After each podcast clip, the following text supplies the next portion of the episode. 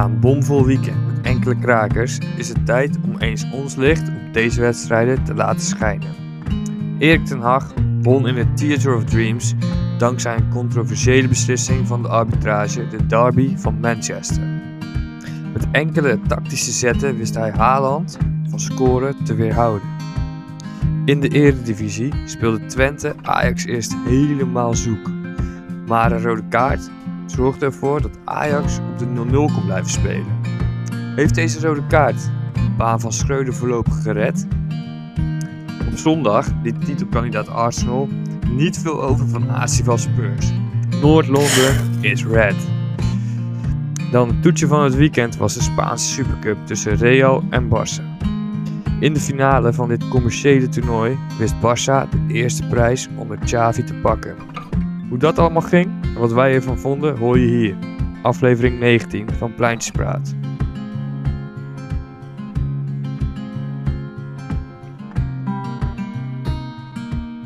Maar eerst zullen we het even hebben over Daily Blind. Daily Blind is zojuist in het AD uh, in een artikel eigenlijk aan het woord gekomen over zijn hele vertrek bij Ajax. Iets wat al lang wel in de pijplijn was, maar uh, ja, wat nu toch naar buiten komt, een paar dagen voor de klassieker. Uh, best wel een lang interview met een hoop bijzondere dingen erin. Uh, we hebben hem allebei gelezen. Wat viel jou vooral op in het interview, Mark? Ja, wat opviel, wat we natuurlijk al wel wisten, dat het gewoon echt niet klikte met Schreuder. Dus dat dat inderdaad tot een aanvaring is gekomen. En dat ze dus uiteindelijk echt niet, niet bij, elkaar zijn, ja, bij elkaar zijn gekomen of bij elkaar zijn gaan zitten. En hij voelde zich genegeerd. En dat vind ik heel slecht management van Schreuder. En waarin je dat heel goed ziet is, wanneer ze op het WK waren, kregen alle spelers appjes van hey, lekker gespeeld, gefeliciteerd, behalve Deli Blind. Maar ja, het gekke daaraan is natuurlijk dat hij gewoon met Nederlanders in de selectie zit. Dus uh, Taylor of uh, Berghuis krijgt een appje, maar blind niet van dezelfde trainer. Ja, dat is echt, uh, daar maak je jezelf wel onmogelijk mee in mijn ogen. Wat viel jou ja, verder op? Ja, ja, gewoon echt communicatiedingen. Je, je ziet dat Enzo van der Sar en zo'n Huntelaar niet uh, met hem uh, gaan praten. Wat jij zegt over zo'n Schreuder. Nou ja, daarnaast ook dat hij een aantal keren toch op de man afvraagt van Schreuder. Van, joh, ben ik te ver gegaan? Uh, kunnen we het anders daarover hebben, zodat we door kunnen? echt een paar dingen waarin hij aangeeft dat hij gewoon met Schreuder in gesprek gaat. En dat, gesprek, dat Schreuder ook een beetje tegen hem liegt in bepaalde zaken.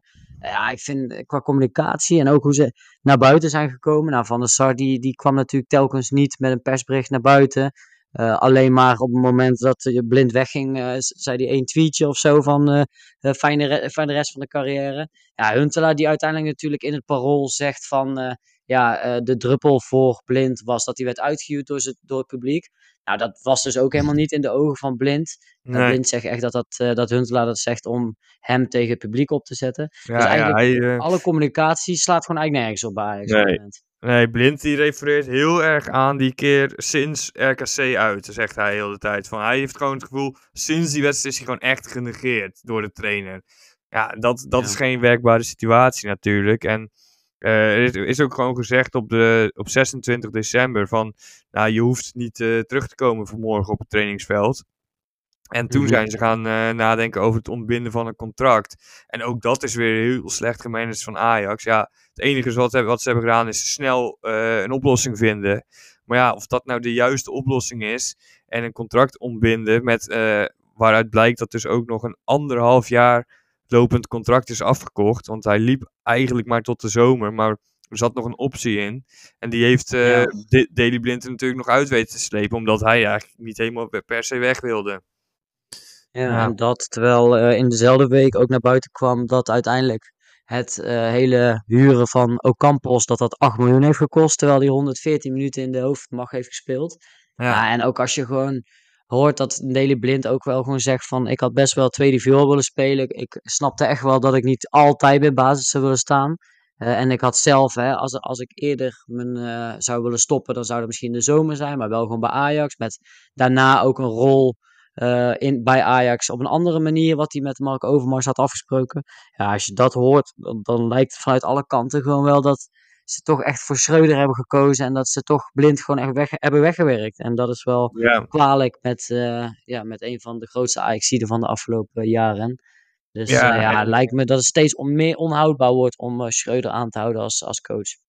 Ja, precies. Ook, eh, ik, zie, ik zat nog even net na te denken van, kan het niet zo zijn dat Blind uiteindelijk na dit halfjaartje bij Bayern toch nog terugkeert bij Ajax? Maar dan moet er denk ik wel in het bestuurlijk vlak ook heel veel veranderen. Dan moet misschien Van der Sar en Huntelaar ook wel weg. En Schreuder. Zonder dat die weg zijn, komt hij niet meer terug, denk ik. Nee, dat denk ik ook niet. En het is uiteindelijk het is een verhuur dan aan, Bas, aan eh, Bayern, of hoe zit dat dan? Nee, is afgekocht, hij tekent daar gewoon. Ja, ja, contract ontbonden. van twee partijen natuurlijk, vanuit Blind en van ah, Ajax. En, hij tekent ehm, voor een half jaar bij Bayern. Ja, ja, ja zij hebben hem voor een half jaar nodig omdat Lucas Hernandez uh, geblesseerd is. En daar kan natuurlijk in de zomer ook nog wel een optie bij komen, maar die zat er nu niet in bij Bayern. Nee. Nee, bizar, bizarre situatie. En dan ook eventjes naar uh, de eerste topper waar we het over willen hebben van uh, afgelopen weekend. Nou, dat was natuurlijk uh, Ajax Twente in de arena. dat was natuurlijk ook, ook alleen de wedstrijd al was een redelijke reden om steeds minder vertrouwen in Schreuder te krijgen. Hoe heb jij naar die wedstrijd gekeken? Ja, ik ging er wel met een ja, ik ging wel met een goed gevoel in uh, aan het begin van de wedstrijd. Ik had wel zin in, zeg maar. Maar ja, dat, dat hebben we de laatste weken wel vaker. Alleen uh, kom je elke keer toch weer thuis van de koude kermis. Maar ja, vanaf de eerste minuut uh, Ajax gewoon volle bak onderdrukt door Twente. Hè. Gewoon, ik denk in vijf minuten tijd heeft Twente al drie keer de paal geraakt. En staan ze mhm. gewoon compleet onder druk. Toen, ja, dan had je al zoiets van, dit gaat niet goed komen. Um, en Ajax kwam er ook niet heel, goed uit, bijvoorbeeld aan de andere kant. Dus uh, ik vond Twente heel sterk spelen. Het zit, elftal zit ook echt heel goed in elkaar. En eigenlijk was het gewoon een beter team dan Ajax, als ik het zo uh, kan zeggen. En uiteindelijk uh, nou ja, resulteerde dat dan in een, ja, in een aantal fouten van Ajax in de ja, echt 33e minuut. Waarbij een lange bal komt en Rens het duel moet aangaan met, met Van Wolfswinkel ja, Rens uh, als linker centrale verdediger. Van Wolfswinkel is natuurlijk de spits. Die deed dat heel handig. En die uh, draait weg. Gebruikt hem eigenlijk als draaischijf. En die kan doorlopen naar, goal, naar de goal. Maar in, die, in dat duel houdt Rens hem een soort van uh, vast. En ja, is het doorgebroken speler en rood. Dat, en vanaf ja. toen veranderde de hele wedstrijd. Ja. Eigenlijk een domme rode kaart. Want op het moment dat jij uh, en Sanchez, de rechtsback, die kwam nog hard aangesprint. En Rens is zelf een stuk sneller dan Van Wolfswinkel. En je hebt nog een keeper die het goal klein kan maken. Ja. Uh, dus ja, in mijn ogen had je, had je dat uh, kunnen voorkomen als Rens zijnde. Maar ja. ja. dat is misschien dan ook het niet vertrouwen hebben op een, op een vreemde plek spelen. sowieso een jongen die, die soms wel zonder ja, best wel vertrouwen lijkt te spelen. Nou ja, mm. na die na die rode kaart, toen, met, uh, toen Ajax met 10 man kwam te staan, toen ging het eigenlijk een stuk beter. Toen hadden ze in één keer de organisatie verdedigend wel beter op orde. Ja. Uh, komen ze natuurlijk ja, zelf ook niet tot echt, echt kansen. Uh, maar dan hou je uiteindelijk toch de nul, wat dan wel weer klasse is. Ja. zie, jij dan, zie je dan uiteindelijk na die rode kaart, zie je dan bepaalde dingen waarvan je denkt, oké, okay, uh, op deze manier kan het wel beter. Je zag bijvoorbeeld een Alvarez die een linie zakte. Uh, is mm -hmm. dat mhm. dan iets waar, waar het aan ligt dat die organisatie mm -hmm. beter is? Of hoe kijk jij er tegenaan? Ja, ik vond het niet echt een, uh, een representatieve ja, wedstrijd om hier naar te kijken, zeg maar. Omdat je dus met een man minder staat en omdat je... Mm -hmm. ze speelden echt heel diep uh, op eigen helft Ajax. Wat je eigenlijk nooit ziet. Dus je kan niet echt dingen zien die je nu in andere wedstrijden ook gaat doen, zeg maar. Als je snapt wat ik bedoel. Ja, ze moeten, zondag moeten ze naar uh, de Kuip toe. Is dan iets dat je, dat je daar ook wat verdedigender moet gaan spelen? Ja, nee, want ik denk niet dat je... Je hebt, er, je hebt gezien dat er niet heel veel kansen uitkwamen. Uh, je zou zeggen, ja, je hebt bijvoorbeeld zo'n Bergwijn om in te brengen. Maar ja, die viel ook weer dramatisch in. Kudus, ja... Die, het was dus inderdaad doordat je met die tien man stond kon je echt niet, je kwam er ook niet heel goed uit, zeg maar, in de keren dat je eruit kon komen. Alleen het enige ja. voordeel is dat je inderdaad wel de nul houdt en heel dicht op elkaar speelde. Dus op zich, een werk, uh, werklust ontbrak het echt niet. Maar uh, ja, dat is dan het enige pluspuntje eigenlijk wat ik, uh, wat ik zag. Dat ze uiteindelijk met tien man uh, heel veel inzet toonden en heel verdedigend goed stonden. Ja, en dat hebben ze heel Deze podcast hoeft niet een of andere headset te zijn op Schreuder, maar wat neem jij in deze wedstrijd Schreuder kwalijk? Ja, ik, uh, ik zat toch wel aan het wisselbeleid weer te denken. Op zich uh, heb ik niet heel veel wissels op de bank, maar hij heeft nu weer maar twee keer gewisseld, terwijl je met tien man staat. En FC Twente bracht bijvoorbeeld vijf, vijf spelers in. Allemaal frisse gasten. Ik dacht wel van, huh, ga je er nou nog iets tegen doen? Uh, uh, desnoods Wijndal voor Bessie, weet je wel, die eruit kan komen. Want dat zag je wel, de linksback, die ging wel heel veel mee naar voren. Dus in dit geval Bessie. Heel de wedstrijd was dat wel. Is dat dan een van de spelers die, die het minste aan de bal misschien wel is, samen met de andere kant? Ja. Um, ja, in mijn ogen is het ook wel iets dat je Rens nu centraal gaat zetten. En dat is, uiteindelijk doet hij dat om meer opbouw vanuit de as, vanuit achter te hebben. Omdat Rens aan de bal gewoon best wel een goede voetballer is. In mijn ogen is dat wel een goede, goede gedachte om naar meer voetbal te krijgen. Maar als je daarom een van je slechtste voetballers aan de zijkant gaat hebben, terwijl daar ruimte ligt, ja, dan snap ik daar ook weer niks van. Uiteindelijk speelt Ajax toch met een met een bepaalde opstelling dat Alvarez meer echt voor de verdediging hangt. Hè, als ze met elf man spelen. Waardoor die backs best wel hoog staat. In ieder geval één van de twee backs. Ja, als je daar dan zo'n voetballers hebt die zo slecht aan de bal zijn. Ja, dan, dan, dan klopt toch heel je tactiek niet. En dan haal je Bessie wel uit de centrale verdediging. Maar in mijn ogen is dat in de in, de, um, ja, in het spel van Ajax is zijn enige plek is centraal in de verdediging. Want daar kan je hem nog gewoon vast laten bijten op een spits. Daarin is hij goed, hè? die 1 tegen 1 tegen een Van Wolfswinkel bijvoorbeeld. En dan kan je toch een Wijndal, of misschien zelfs ook een Rens aan de linkerkant, die iets meer in balbezit komen in aanvallende zin. En dat is, dat is iets, die gedachte van Schreuder snap ik totaal niet. Nee, ik Net als dat ik ook gewoon niet snap aan Schreuder dat hij met een, een, ja, een uh, Sanchez is gaan spelen op de rechterkant. Sanchez is gehaald voor 5 miljoen van een club in Mexico, Club Americana volgens mij. Nou, daar was hij 24 jaar onbekend en helemaal niet een van de betere van het elftal. Nou, die is dan gehaald voor 5 miljoen. Terwijl vorig jaar een Regeer, wat een voetballer is die uit de jeugd van Ajax komt, hebben niks kost en aan de bal in ieder geval wel goed is. Nou ja, Regeer die werd door Schreuder echt puur gezien als een centrale middenvelder. En die is nu een beetje weg aan het rotten in jong Ajax. Ja, ook wel geblesseerd hoor. Wel, Ajax. Uh... Goed speelde jong Ajax en vaak inviel in één als rechtsback. Dan denk ik, ja, dan kan je net zo goed geen kapitaal vernietigen en gewoon toch gokken dan op een speler die in ieder geval goed aan de bal is. Wat Mazraoui natuurlijk ook altijd was. Want dat begon ook gewoon als een middenvelder. En dan, dan zie je toch zoveel voetballers achterin staan die gewoon aan de bal slecht zijn. Waardoor ik echt denk van ja, ja hoe kan je dan, wat, wat, met wat voor tactiek kom je dan? Denk ik dan? Ja, klopt. En wat ik hem inderdaad ook nog wel aanreken is dat inderdaad hij is niet creatief hè, uh, als coach. Hoeveel opstellingen wel, je wel niet op Twitter voorbij ziet komen. En dan denk je, ja, hier zit wel iets in. Maar Schreuder komt er nooit mee, zeg maar. Van waarom heeft hij nou nooit bijvoorbeeld Kudus op rechtsbuiten geprobeerd? Hij heeft het een halve wedstrijd geprobeerd in een oefenduel met Blackburn bijvoorbeeld. Maar hij, hij probeert het niet eens in een wedstrijd. Of ja, dat soort, dat soort keuzes, weet je wel. Dat, dat denk ik van ja, of Bergwijn op 10.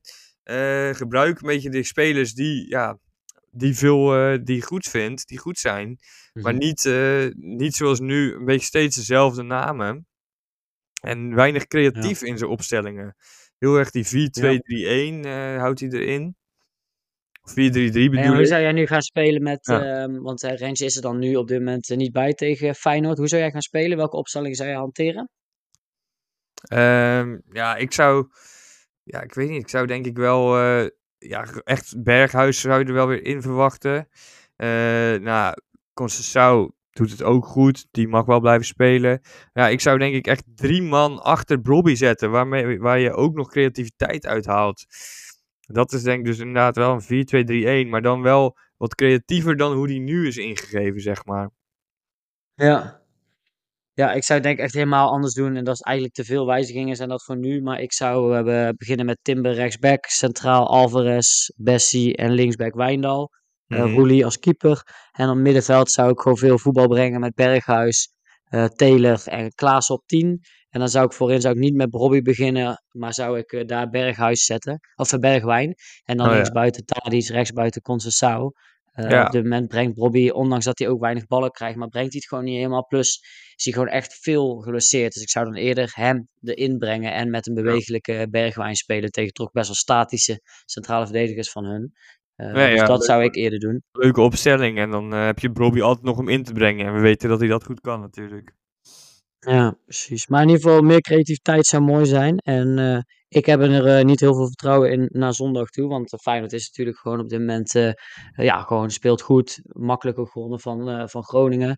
En ja, staan gewoon vier aan kop, vijf punten. Op het moment dat ze winnen van Ajax staan ze acht punten los. En ja. lijkt Ajax voor nu af te haken in de, in de strijd om de kampioenschap. Het is echt een examen, hè? Want als, hij, als hij nou wel wint, in een theoretische geval, dan heeft hij maar twee punten achter op Feyenoord. En dan doe je wel weer gewoon goed mee. En dan mag hij ook wel blijven van mij. Maar als je ja. verliest, dan kan je het eigenlijk niet houden om dan te blijven. Met deze reeks kan je dat niet overleven. Nou, klein stap in ieder geval van de ene kale Ajax-trainer naar de andere kale ex-Ajax-trainer. Want Erik ten Hag die won van, uh, van Pep Guardiola. Eigen huis op uh, Old Trafford. En hij kan eigenlijk zelfs deze week kan die over City heen gaan en op de tweede plaats komen. Mega knap.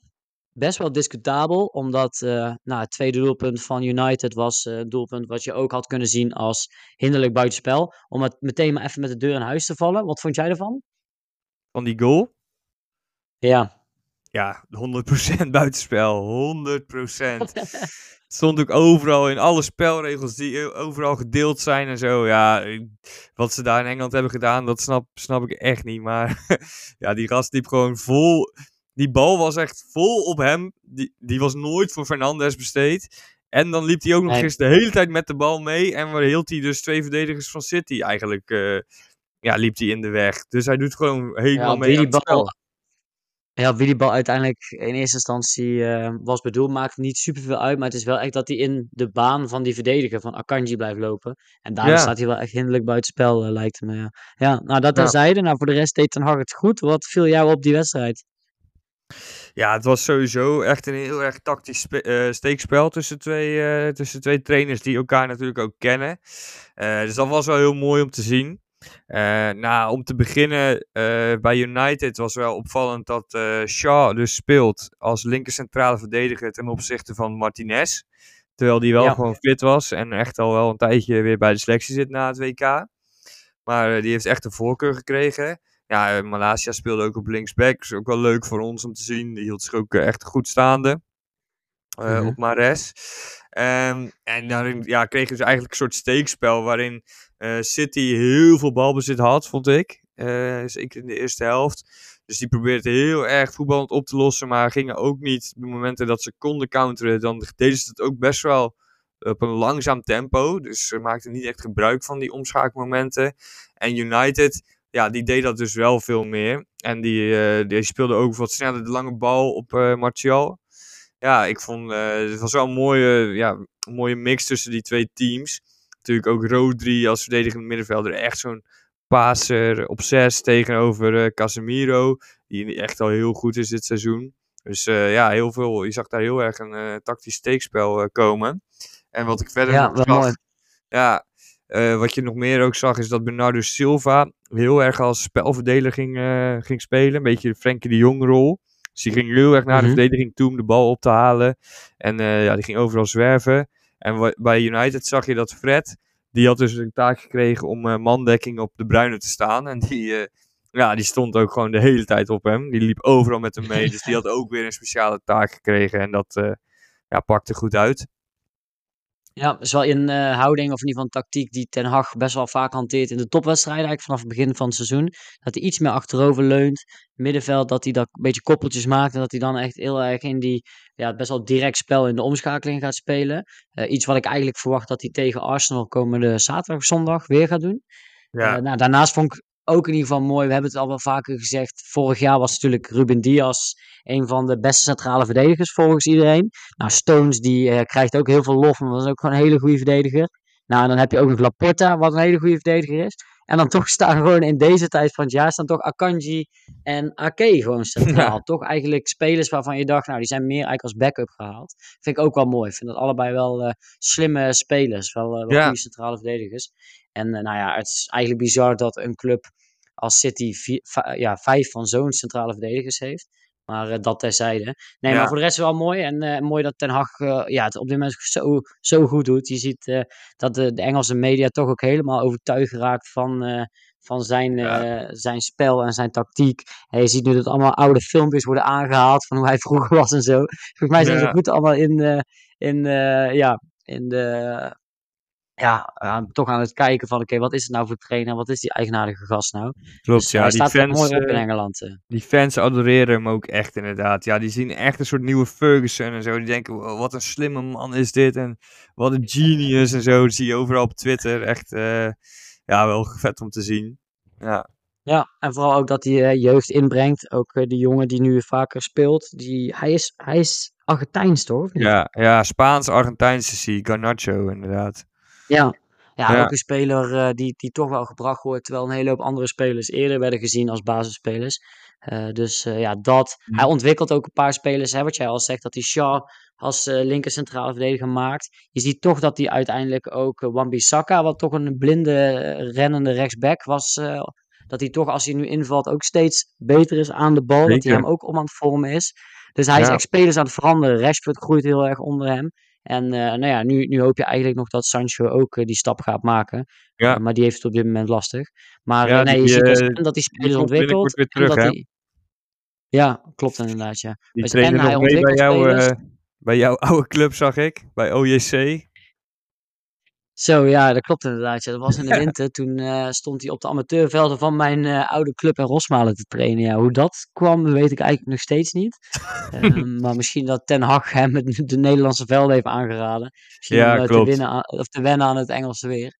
Ja, nee, dat eh, zo was het inderdaad. Ten Hag had eh, bij bekende trainers had, had hij hem neergezet. Omdat hij aan zijn fysiek moest werken en aan mentaal. En eh, zij hebben gewoon het veld bij OJC gehuurd. Want zij stellen dat blijkbaar ter beschikking om te huren. Zo is dat eh, Ja. gegaan, ja. maar wel grappig. Dus veel legendes zijn daar gemaakt natuurlijk op dat veld. Dus dat is ja, ja, ook de belangrijk. echte grote worden daar... Ja, precies. Nou, dat was in ieder geval een van de mooie toppers. Nou, dan kwamen we daarna kwamen we bij eh, Spurs Arsenal.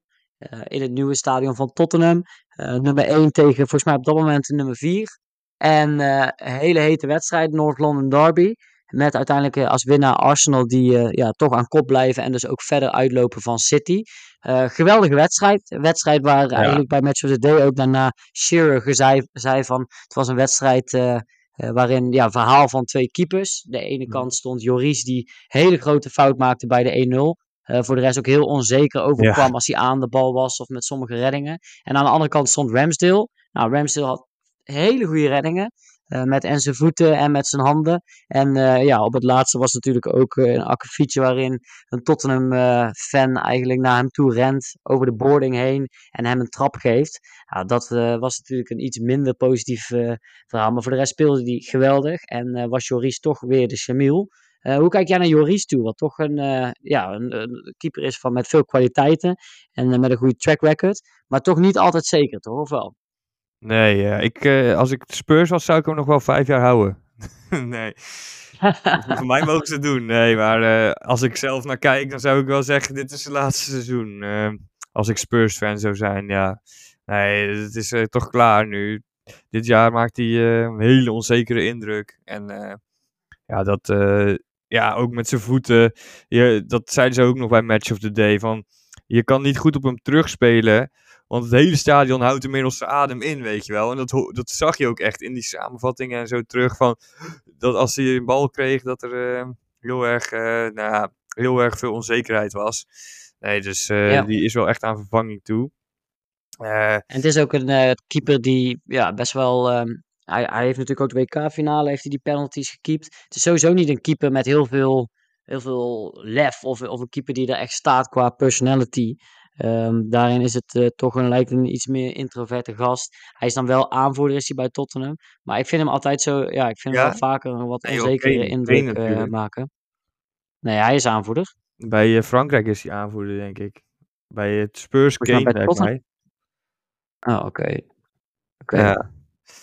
Nee, maar ehm, ja, dat, ja, verder die wedstrijd, was in het, wat jij ook zei, was echt een, echt een hele mooie pot. Weer Eudegaard was weer fantastisch. Die eh, dicteerde weer het hele spel. Eh, ja, Party heel goed. En nog een mooie, zag je dat afstandsschot? ja, ja. Die paal Ja, die paal. vloog bijna uit twee, in tweeën.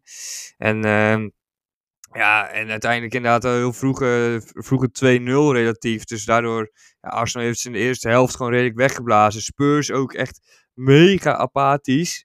Die eh, lieten gewoon allemaal ruimtes tussen die spelers en die, eh, die eh, lieten ze gewoon heel rustig voetballen, Arsenal. Terwijl het toch een van de best Mhm. voetballende ploegen is. Dus ja, de- eigenlijk wel gewoon hun verdiende, verdiende loon eigenlijk. En, naar de spelopvatting van Spurs kijkende. Hoe kijk, hoe- wat vond jij daarvan? Ja, ook wel. Ik vond, ehm, ik vond dat ze hebben gewoon heel weinig creativiteit op het middenveld, vind ik, Tottenham. En dat zie je wel. Ik Ja. vind voor de rest dat ze gewoon wel echt best een goed team hebben. Eh, met, eh, met die, die eh, Engelse linksback. Ik vind dat die, die, die middenvelder die ze van Brighton hebben gehaald, vind ik ook geen slechte voetballer. Maar als je zo'n spelers naast een, ja, naast een Hooiberg ook zet, dat zijn ook niet, dat zijn niet de meest creatieve voetballers. En ehm, ja, ook in die, die opstelling waar ze mee spelen. En dan met en een Dyer en een Lang- Langlet. Dan zit er gewoon te weinig voetbal in zo'n team, vind ik. Ehm, en eh, ja, dan zie je gewoon dat Arsenal daarin gewoon wel meer automatismes heeft. Meer creativiteit in het veld. En eh, ja, dat, ehm, dat de spelers van, ehm, ja, van, van Arsenal toch gewoon wel echt eh, op dat moment gewoon wel echt beter zijn. En ja, ik vond het wel echt een, echt een verdiende overwinning, vond ik het. Ja, nee, klopt. Ja, en inderdaad dan die filmpjes achteraf. Je zou, dan merk je heel erg hoe, hoe erg die haat is, hè. Richarlison bijvoorbeeld, die, eh, die kon zich echt totaal niet beheersen achteraf. Eh er ging Martinelli nog een keer naartoe om een box te geven. Ja, en die werd volgenegeerd. En hij ging daar een beetje het publiek op jutten, waardoor uiteindelijk ook die, eh, die fan ja, debiele actie deed op Ramsdale. En daarna zag je nog ehm, dat Tierney volgens mij werd aangevallen door een paar Spurs-spelers na de wedstrijd. En Ja, Arteta was aan het feestvieren met eh Chaka en eh, Party volgens mij. En in één keer ziet hij Chaka naar die, eh, op die groep afrennen. En hij moest er vol achteraan. Dat was wel mooi om te zien. Dat hij echt dacht, Ja. oh nee, niet weer die Chaka. Weer, die weer een domme actie gaat doen als de meest ervaren man. Ja, hij, hij dacht, die ben ik, weer drie, eh, ben ik weer drie wedstrijden kwijt. Maar Ja, je zag ook die filmpjes dat Chaka van tevoren in, eh, toen ze aan de warming-up bezig waren, die space op aan peppen is. Je ziet wel, het is wel Oh echt de leider zonder aanvoerdersband. Ja, Eh, dus dat is wel mooi. Ik vind wel gewoon dat uiteindelijk ook als je naar, naar Spurs zelf kijkt, ja, de spelers die er dan in staan, dan denk ik ook niet per se van dit is het beste team wat ze kunnen vormen met de spelers die ze hebben. Best wel wat spelers op de bank waarvan je denkt, nou, dat, dat zijn echt wel spelers die, die het, die het ja, beter zouden doen als zo'n Perisic, maar natuurlijk ook zo'n ehm, ja, zo'n Bissouma die ik net al noemde, maar ook Mm. eh, Richarlison die jij net noemde. Ja, ik denk dat daar echt wel meer van te maken is. En Conte is natuurlijk een verdedigende coach met echt die vijf verdedigers, wat helemaal zijn systeem is. Eh, maar dan met vijf verdedigers spelen en dan twee ja, relatief slechte voetballers aan de bal, of in ieder geval niet, geen creatieve. Ja, dat, dat- ik vind dat helemaal niks. Ik kijk daar zo niet graag naar. Nee, nee, klopt. Nee, en dat heeft Arsenal gewoon heel goed gedaan. En echt, ja, bizar dat ze gewoon weer ook acht punten voor staan. Dus ehm, ja, dat wordt echt, ja, wordt zondag inderdaad tegen Ma- Man United een hele vette wedstrijd. En wie weet dat, die- dat City tussendoor ook nog punten verspillen. Die moeten nu negen tegen Spurs. Dus ja, het kan Mhm. eh, echt heel goed gaan. eh, een hele goede kant opvallen voor Arsenal. Ja, komende dagen, weken. Ja, Ja, dan hadden we nog het eh, toetje van het weekend. El Clasico. De Supercup finale van, eh, van Spanje. Ook gespeeld in Saoedi-Arabië. Zoals dat tegenwoordig eh, hoort bij dat soort competities. Eh, hoe heb jij eigenlijk naar die wedstrijd gekeken? ja, ten eerste is het wel, je, je kijkt er wel met een met iets minder serieus naar, omdat het dus in Saoedi-Arabië is. Het slaat natuurlijk helemaal nergens op dat, ik, ja, ik woon natuurlijk zelf dan in Barcelona. En je weet dat hier en in Madrid een hele hoop mensen zijn die hun nier zouden afstaan om bij een El Clasico te zijn. En dat het dan in Saoedi-Arabië gespeeld moet worden, is echt een commercieel gedrocht in mijn ogen. Mhm. En ehm, ja, dat maakte dus wat ik zeg, dat je er iets minder serieus naar kijkt. Maar voor de rest was het wel, ja, vooral voor een eh, Barcelona supporter een geweldige wedstrijd. Barcelona speelde op bepaalde vlakken Real Madrid helemaal weg. Eh Xavi hanteerde eigenlijk weer de tactiek die hij in toppers nu hanteert. Ook eerder al bijvoorbeeld tegen Atletico Madrid. Wat hij dan eens doet, is dat hij of Gavi of Pedri op de linksbuitenpositie zet. Waardoor je eigenlijk je, je middenveld versterkt. Die dribbelt heel het middenveld in, dan moet de verdediging van de tegenstander gaan kiezen. En eh, dan worden ze daar gewoon versterkt. Nou, die tactiek werkte weer gewoon heel goed.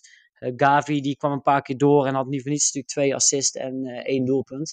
En eh, ja, ik vond daarnaast eh, gewoon eh, Busquets, De Jong, Gavi en Pedri speelden gewoon heel erg goed op dat middenveld. En eh, dat is toch iets waar Real Madrid in mijn ogen vaak eh, wel de bovenhand heeft op het middenveld met een Modric en een Kroos en eh, in het verleden een Casemiro. Ja. Eh, nu was het wel zo dat eh, jouw grote vriend Chouameni niet speelde. Waarom speelde hij eigenlijk niet? Volgens mij geblesseerd. En ik denk ook dat ze niet te veel risico wilden nemen. Eh, ja, snap Hij ik. speelde, Alaba speelde ook niet, toch? Nee, nee, speelde ook Nee, niet. En nee, dus speelde wel. Ja, ja, precies. Daardoor kreeg ik ook wel een klein beetje, is misschien gek woord, maar een beetje oefenwedstrijd vibes ervan. Ook omdat Ja, het inderdaad in, eh, in eh, Saudi-Arabië gespeeld wordt en dan een beetje rare opstelling. En ik vond Real Madrid er niet helemaal vol voor gaan of zo. Maar het Mhm. neemt inderdaad niet weg hoe goed Barça speelde. Want ja, die, eh, Xavi had het wel heel goed uitgedokterd. En ja, het is echt heel moeilijk voor Real Madrid om tot kansen te komen in deze opstelling. Ja, en twee, kan, twee dingen die ik nog even wil belichten. Ten eerste heeft eh, ja, de afgelopen tijd heeft Koundé vaak op rechtsback gespeeld. Nu hanteerde hij eigenlijk weer de opstelling dat hij Araujo rechtsback zette. En in de tijd dat Xavi trainer is en tegen Real heeft gespeeld, heeft hij elke keer als Araujo rechtsback stond, omdat hij niet geblesseerd was, hebben ze goede wedstrijden gespeeld. En dat is omdat hij hem dan gewoon puur als mandekker op Vinicius zet. En ja, Vinicius enorm gevaarlijk natuurlijk.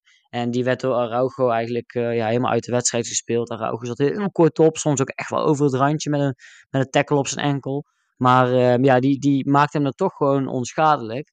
En eh, dat, is wel, dat was wel een goede tactische keuze van Xavi. En daarnaast eigenlijk vond ik ook wel leuk om te zien ehm, dat ja, je hebt natuurlijk vanuit Chelsea zijn en Christensen en Rudiger zijn gekomen naar Spanje toe. En eh, nou ja, beide gewoon grote spelers die ook prijzen hebben gewonnen met Chelsea. En je ziet toch dat een, Christensen gewoon enorme waarde heeft voor Barcelona. Dat hij gewoon zichzelf feilloos daar in de basis speelt. Bijna geen fouten maakt, aan de bal goed is. En gewoon een hele betrouwbare kracht. Iets wat, eh, ja, wat Barcelona al een tijdje eh, miste achterin. Dus ik vind dat wel mooi, omdat er was natuurlijk toch, eh, ja, veel mensen waren toch meer lovend over de aankoop Rudiger dan Christensen. Dus dat is wel iets mooi, wat moois om te zien. Hoe vind jij dat? Ja, ik, ja, zelf was ik altijd ook inderdaad wel meer fan van Rudiger. Maar ja, op zich eh, voor Christensen geen eh, onbegrijpelijke aankoop of zo. Nee, ook iets jonger en eh, past denk ik ook iets meer bij, bij Barça. Ja. En hij speelde heel goed. Eigenlijk de laatste weken al, als ik Barça heb gezien, was hij vaak wel heel goed, ja. Ja, ja. Dus daarom, het lijkt nu wel goed in elkaar te zitten qua team. Ehm, ja, nu denk je ook wel een beetje van waarom koop je een Rafinha en een Mm. Ferran Torres voor bij elkaar een, eh, een 110 miljoen. Als, je toch, eh, ja, als je toch met een Dembele hebt die altijd op rechtsbuiten gewoon basis staat. Nou, Ja. misschien heeft dat ook mee te maken dat toen natuurlijk zijn contract afliep en dergelijke. Maar eh, ja, je, je, je vindt het toch wel raar dat ze zoveel aanvallers op dit moment hebben. Ja, zo'n Fati is ook, ook nog niet helemaal wat ze, ja, wat ze van verwachten. En eh, Depay is eh, sinds vandaag officieel naar Atletico Madrid. En daar gaan ze waarschijnlijk een vervanger voor ha- halen, wat, eh, wat wel Aubameyang zou kunnen zijn. Hoe, Oh. hoe kijk je er tegenaan dat ze Depay hebben verkocht? Ja, wel. Ik vond het wel opvallend laag bedrag. Ook al heeft hij nog maar een half jaar contract. Dat wel. Hoeveel? Eh 3 miljoen zag ik. Hm. Ja, ja dus, eh, maar ze hebben hem ook transfervrij gehaald. Dus er zat gewoon niet echt veel boekhoudkundig. Zat er niet heel veel restwaarde of zo aan. Wat je normaal dan nog hebt bij dat soort transfers. Dus dan hebben ze het gewoon snel eh, voor, ja, voor echt een laag bedrag kunnen verkopen. En eh, snel die deal sluiten. Eh, ja, eh, op zich, hij speelde gewoon onder Xavi echt niet meer. En laatste week kregen Fati of Ferran Torres al de voorkeur wanneer eh, Lewandowski er niet was. Dat was wel een, Ja, eh, ook dat nog, ja. een, ja, was wel een inzicht dat hij eh, niet veel eh, meer te doen heeft daar. Mhm. Ja. Ja, en nee, geen leuke club voor hem, toch? dat niet. Zo, nee. Het is niet echt een club waarvan je denkt eh, dat past bij zijn type voetbal. Maar ja, aan de andere kant, hij gaat daar natuurlijk heen. En in de zomer gaat Simeone weg. Misschien komt daar dan op dat moment te trainen wat, wat meer aanvallend voetbalt. En ehm, hij heeft natuurlijk, eh, ja, zijn concurrent wordt Morata. Nou, je weet hoe ik over Morata denk. Eh, dus, dus daarin kan hij wel bij de absolute Spaanse top basis staan en meedraaien om de titel. Dus ja, als je daarnaar kijkt, is het misschien wel weer een goede aankoop. Of in ieder geval een goede Ja. stap. Weet je die rol van Felix overnemen? Ja, ja, ja. Maar die zal ook weer terugkomen in de zomer, hè? Ja, precies. Maar misschien gaat hij dan ook wel weer weg. Dat kan ook Ja. zomaar hoor. Dat het echt een Ja, tijdelijke oplossing is. Nou, Ja. hey, dat was hem denk ik weer. Eh, welke wedstrijden zijn, staan er deze week allemaal op het programma? Want we hebben natuurlijk eh, twee al besproken. Nou, dat is eh Feyenoord-Ajax. Wordt voor het eerst Berghuis in een volle kuip terug. En daarnaast wordt het Arsenal tegen Manchester United. Twee hele mooie, ehm, mooie wedstrijden om te gaan kijken. Hè? ja. Eh, wat staat Ja, er nog meer? Weet je nog meer wat er op het programma staat? Ja, morgen is het nog ehm, City Spurs. eh, donderdagavond. Gewoon even random Mhm. Donderdagavond Premier League. Ehm, ja, verder eh, even kijken, niet zo heel... Liverpool-Chelsea op zaterdag. Oh, oh wel ja, een mooie ja, wedstrijd. Ja, Liverpool-Chelsea Dus, inderdaad. Ik ga zelf zaterdag ja. nog naar NEC Emmen. Dat zal weer een gelijk spelletje worden. Over mooie wedstrijden gesproken. ja. ja, lekker op zaterdagavond. eh, dat kan wel, hè. Precies. Nou, dan eh, spreken wij elkaar in ieder geval sowieso dan weer. En eh, benieuwd wat de komende dagen nog allemaal gaat gebeuren. Ook omtrent Blind en Schreuder. Ja, inderdaad, ja. Ja, benieuwd wie er na zondag nog zit, maar Zo, ik ook, ja. hey, jongen. dat weer voor de volgende. Oké, hoi.